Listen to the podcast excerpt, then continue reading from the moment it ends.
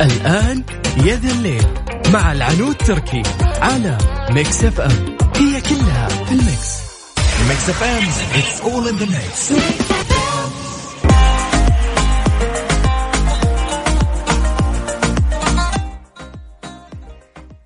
بسم الله الرحمن الرحيم. السلام عليكم ورحمة الله وبركاته. أسعد الله مساكم بكل خير مستمعينا على إذاعة مكسف أم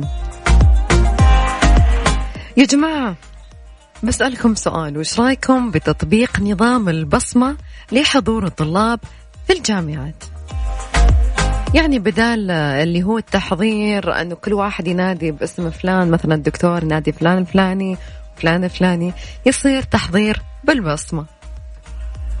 أنا حاطة تصويت على حسابي في تويتر العنود تركي 7 صوتوا خلونا نشوف مين مؤيد ومين الغير مؤيد.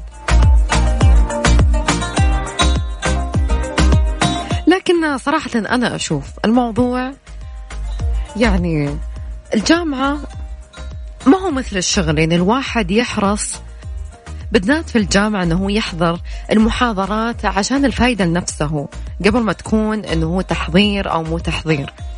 فأنا أشوف هذا الشيء ممكن يصيرون الطلاب يجون عشان البصمة وما يجون عشان المحاضرات أساسا.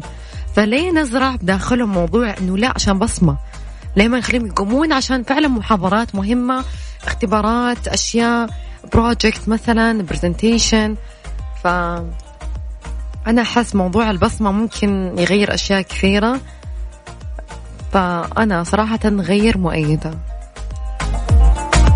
يعني صراحة في دكاترة كثير في الجامعة يعني يعني الله يذكرهم بالخير كانوا يقولون المحاضرات لكم وإحنا جايين عشانكم. والجامعة هذه كلها عشانكم أنتوا عشان تدرسون تتعلمون. الموضوع ما أبغاكم تجون عشان تحضير. اللي بيجي عشان تحضير لا يجي لأني أنا ما راح أحضر. أنا أبغى اللي يجي يجي فعلا عشان هو يبغى. هو يبغى يستفيد. فهذا الشيء مخلينا تقريبا الكل في الشعبة يحضر. عشان فعلا نبغى نستفيد. لكن إذا كان عشان تحضير ف أحس لا يا جماعة. لا مرة لا.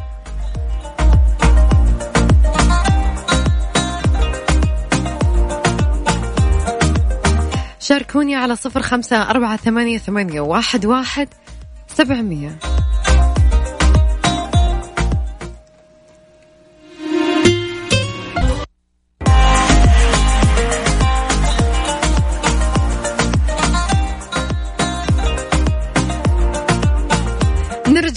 المحور حديثنا يا جماعة عن البصمة. البصمة يا جماعة هل أنتم مؤيدين وضوع أو وضع البصمة لحضور الطلاب والطالبات في الجامعات أو غير مؤيدين؟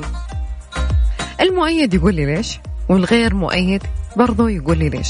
تقدرون تشاركوني على صفر خمسة أربعة ثمانية, ثمانية واحد, واحد سبعمية. حاطين تصويت على حسابنا الرسمي بتويتر @مكسف ام راديو مساء الخير والإحساس والطيبة. مساء ما يليق إلا بأحبابي.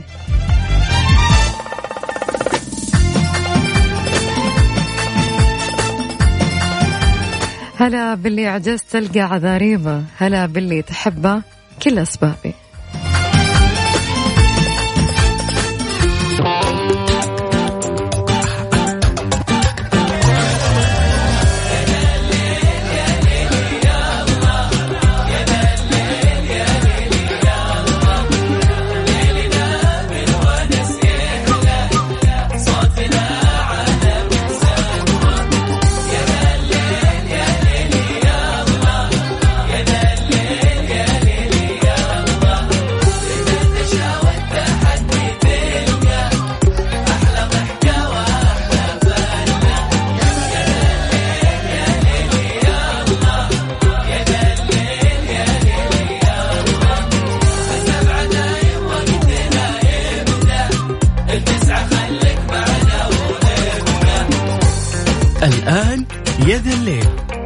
تركي على Mix FM. هي كلها في ال mix.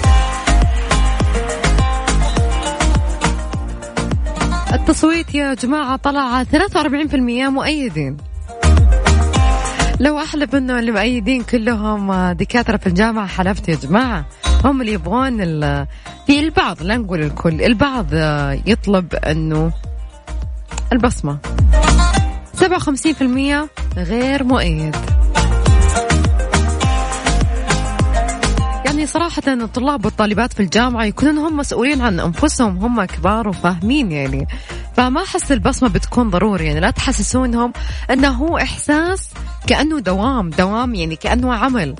بالعكس الدراسة يعني إذا الشخص ما حبها ما حيكمل فيها.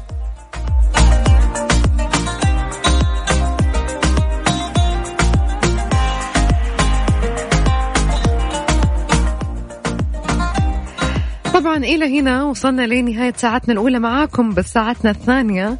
راح نتكلم عن موضوع مهم جدا. فسخ الخطوبة قرار صعب لكنه أفضل من الزواج. هل أنت مع أو ضد هذه المقولة؟ حاطة تصويت في حسابي العنود تركي 7 صوتوا لي عليه وخلوني أشوف. مين المؤيد ومين المعارض؟ يعني مين مع ومين مع ضد؟ صوتوا لي خلوني أشوف رأيكم.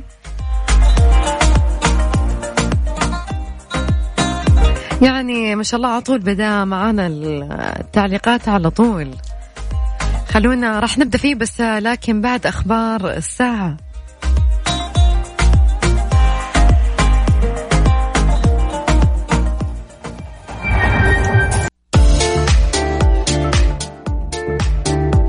يا جماعة سبع أشياء. لا تستخدمونها أبدا في تنظيف شاشة جوالاتكم.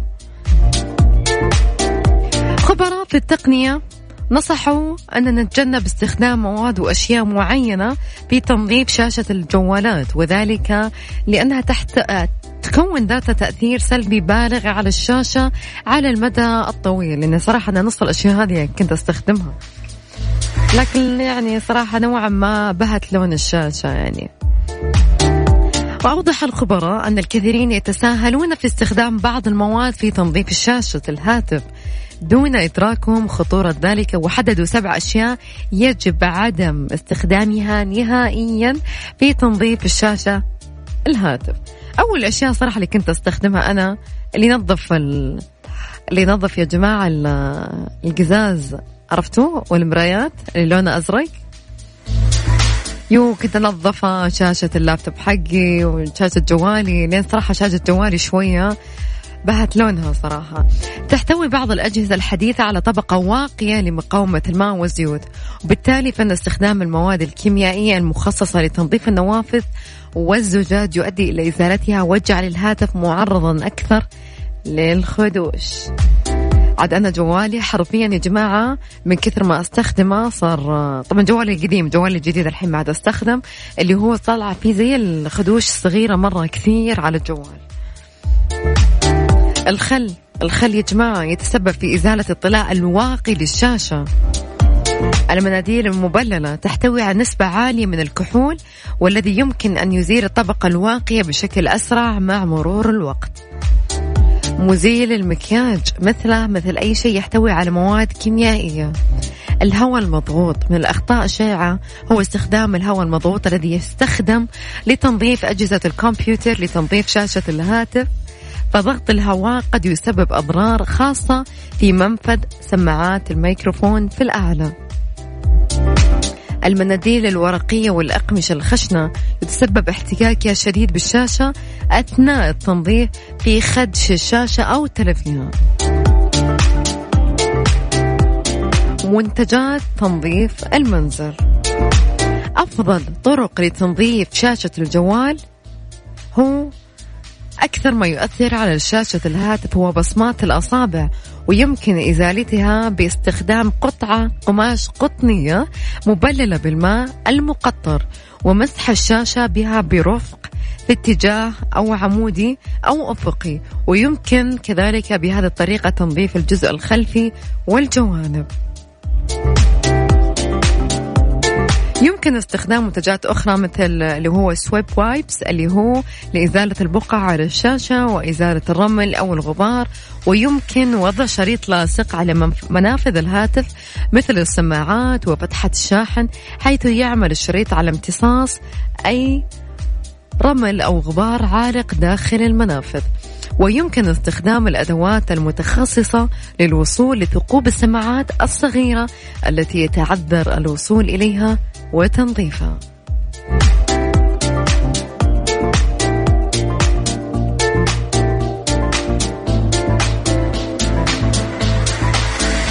ازعاج يقول البرودة الشديدة انتهت ولله الحمد والأجواء المعتدلة بعد أسبوعين. توقع عضو الاتحاد العربي لعلوم الفضاء والفلك الدكتور خالد زعاق أن تعيش المملكة أجواء برودة متوسطة خلال الأسبوعين المقبلين. تعقبها فترة برودة معتدلة. وأوضح الدكتور زعاق خلال مقطع فيديو نشره عبر حسابه في تويتر أن فترة البرودة الشديدة انتهت. ولن يكون هناك برد شديد كذلك الذي شهدته معظم مناطق المملكة قبل عشر أيام. وستدخل لمدة أسبوعين في فترة البرودة المتوسطة ثم بعد ذلك البرودة المعتدلة. وأشار إلا أن العقارب تنقسم إلى ثلاث أقسام. معروفين يا جماعة العقارب. الأول عقارب باردة والثاني عقارب معتدلة والثالث عقارب حارة. مبينة أن فترة العقارب الباردة أنتهت وبدأت الآن فترة العقارب المعتدلة التي ستستمر لمدة أسبوعين على الأقل. ثم تليها فترة العقارب الحارة يعني على قبالة رمضان يا جماعة.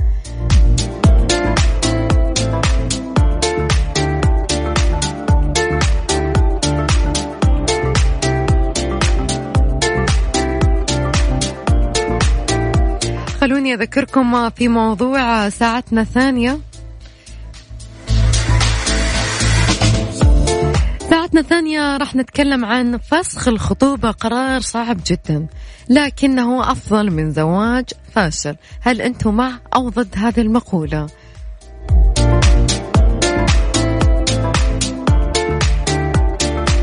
برضو راح نتكلم بعد الفاصل عن الجوازات خدمة جديدة تهم المواطنين تطلق الشهر المقبل عبر منصة إبشر.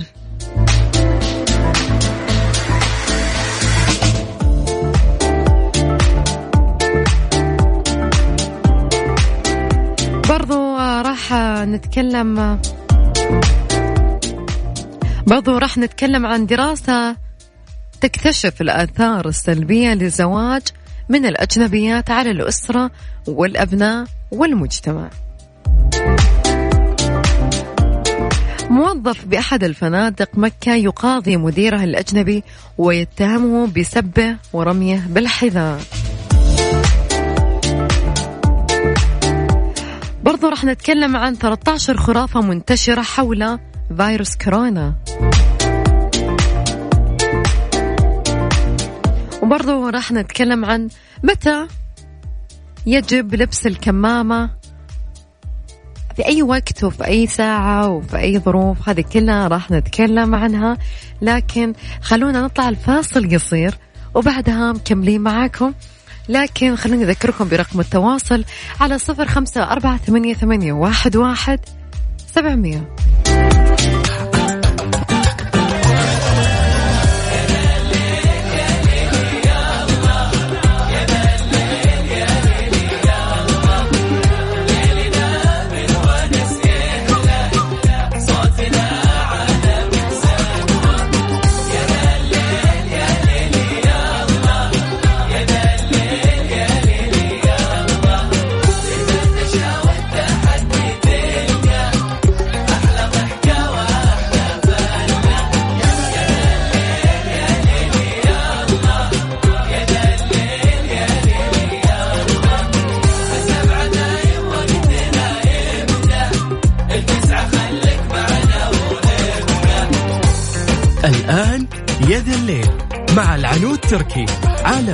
Mix FM هي كلها في ال mix.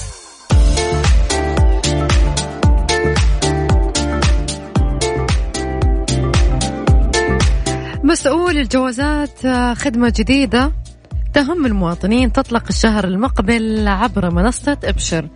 كشف مساعد مدير عام الجوازات لشؤون التقنية العميد خالد السيخان أن الجوازات ستطلق مفاجأة خلال الشهر القادم. تهم المواطن السعودي. وأوضح السيخان أن الخدمة الجديدة ستتيح للمواطن إصدار وثيقة خاصة له عن طريق منصة أبشر مبينة أن الجوازات أطلقت 39 خدمة للمواطنين والمقيمين وأن هناك خدمات جديدة عبر المنصة ستفاجئ الجمهور خلال الفترة المقبلة. وأضاف السيخاء السيخان عفوا أن الجوازات لديها خطة عمل واضحة وثابتة تسير بموجبها مبينة أن الخدمات الجديدة تلبي طموح المواطنين بإنهاء جميع إجراءاتهم من خلال التطبيق وموقع الوزارة دون الحاجة لمراجعة مقر وفروع الجوازات.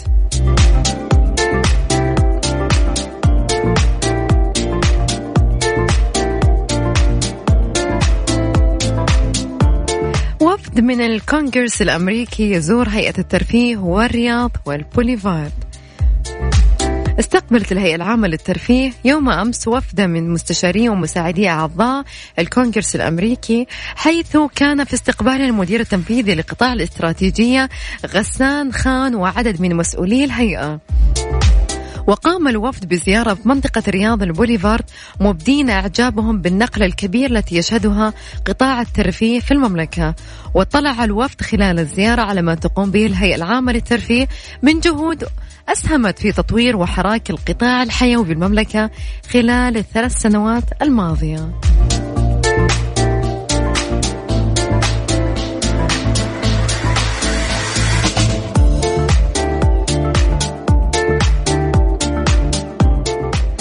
من 13 خرافة منتشرة حول فيروس كورونا.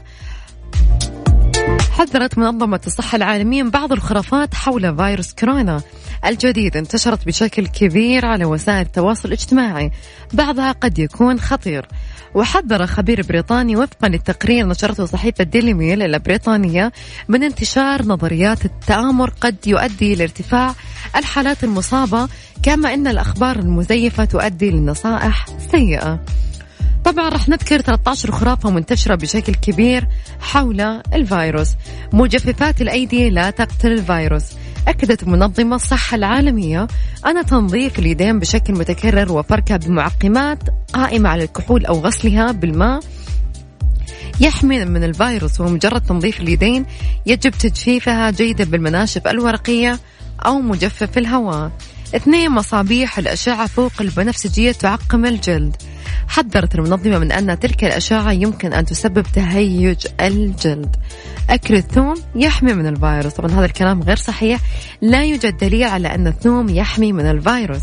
ولكن مؤكد أن الثوم غذاء صحي ويحتوي على بعض الخصائص المضادة للميكروبات وليس للفيروسات. زيت السمسم لا يمنع الفيروس من دخول الجسم على عكس الشائعات. يساعد فرق زيت السمسم على الجلد على منع الفيروس من دخول الجسم لكنه لا يقتل الفيروس. رش الكحول أو الكلور على الجسم يحمي من الفيروس. هذا الكلام غير صحيح.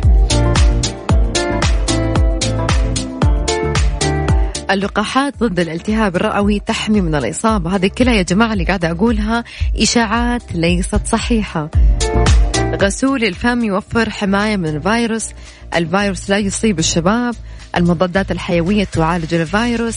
رذاذ الأنف المالح يحمي من الفيروس. هذه كلها غير صحيحة ومجرد إشاعات.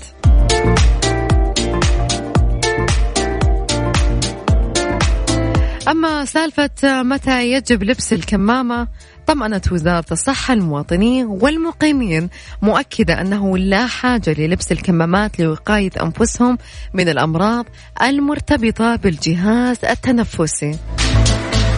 واستدركت بأن على الشخص لبس الكمامة في حالتين فقط وذلك حال وجود أعراض تنفسية مثل العطاس أو السعال أو عند العناية بشخص لديه تلك الأعراض. من جانب آخر بينت الصحة أنه لن ولم يتم تسجيل أي حالة إصابة بفيروس كورونا الجديد داخل المملكة حتى الآن. الحمد لله.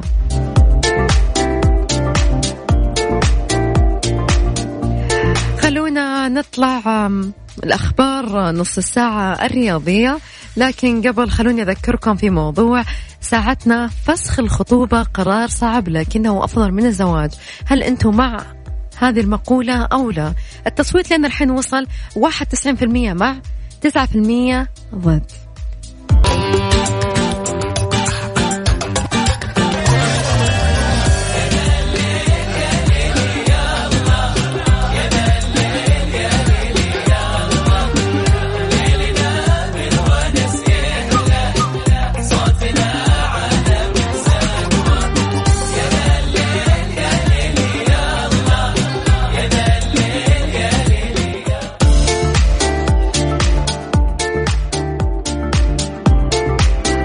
قاعدة أتكلم آه، والمايك مقفل.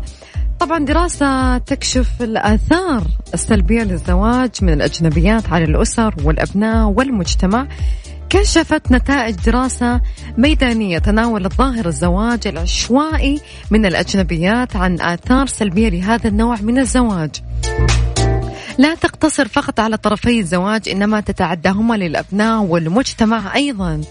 وأكدت الدراسة التي أعدتها جمعية أواصر لرعاية الأسر السعودية في الخارج تحت عنوان أضرار الزواج العشوائي من الخارج. أن زواج المواطنين العشوائي بالأجنبيات يترك آثارا سلبية على الأبناء الذين ينتجون من هذا الزواج. وتوصلت الدراسة إلى أن الزواج العشوائي من الأجنبيات خاصة الذي ينتهي بعودة الأب إلى وطنه دون اصطحاب أسرته يتسبب في تمزق العائلة ومعاناتها من ضيق ذات اليد بعد فقدان العائل. ما يؤدي لضعف التحصيل الدراسي للأبناء. في طور المراهقة يصبح الأبناء ضحية فقدان الهوية والإحساس بتنازع الانتماء. يعني يوصلون لمرحلة ما عاد يدرون هم ينتمون لمين ينتمون لأمهم ولا ينتمون لأبيهم وأوضحت الدراسة أن حتى في حال تواجد أبناء الزوج الأجنبية داخل الوطن يتولد لديهم إحساس والشعور بالرفض من المجتمع بسبب جنسيات أمهاتهم. لذلك يتولد لدى الغالبية منهم سلوك عدواني وميل للعنف. من الآثار الاجتماعية السلبية للزواج من أجنبيات تسبب في خلق خلل في في التركيبة الاجتماعية والتوازن في الاجتماع بارتفاع العنوسة بين المواطنات. طبعا ليش؟ عشان والله يرجع الموضوع من الأساس عشان الأم أو عشان الخوال الأجنبيين فالموضوع ما حيصير حتى في توافق زواج مؤخرا. فليه ندخل في هذه المتاعب؟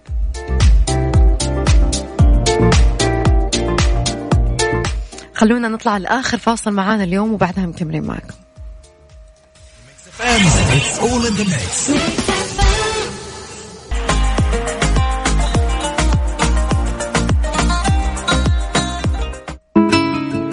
إلى هنا مستمعينا وصلنا لنهاية ساعتنا وبرنامجنا اليوم معاكم. انتظروني بكرة في نفس الوقت ونفس الدقيقة من الساعة سبعة لحد الساعة تسعة الليل. في أمان الله.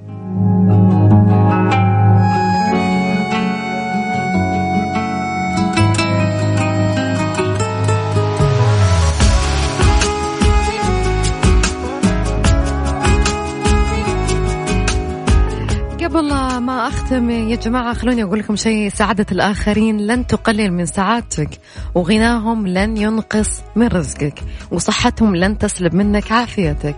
كن نقيا وتمنى لغيرك ما تتمناه لنفسك.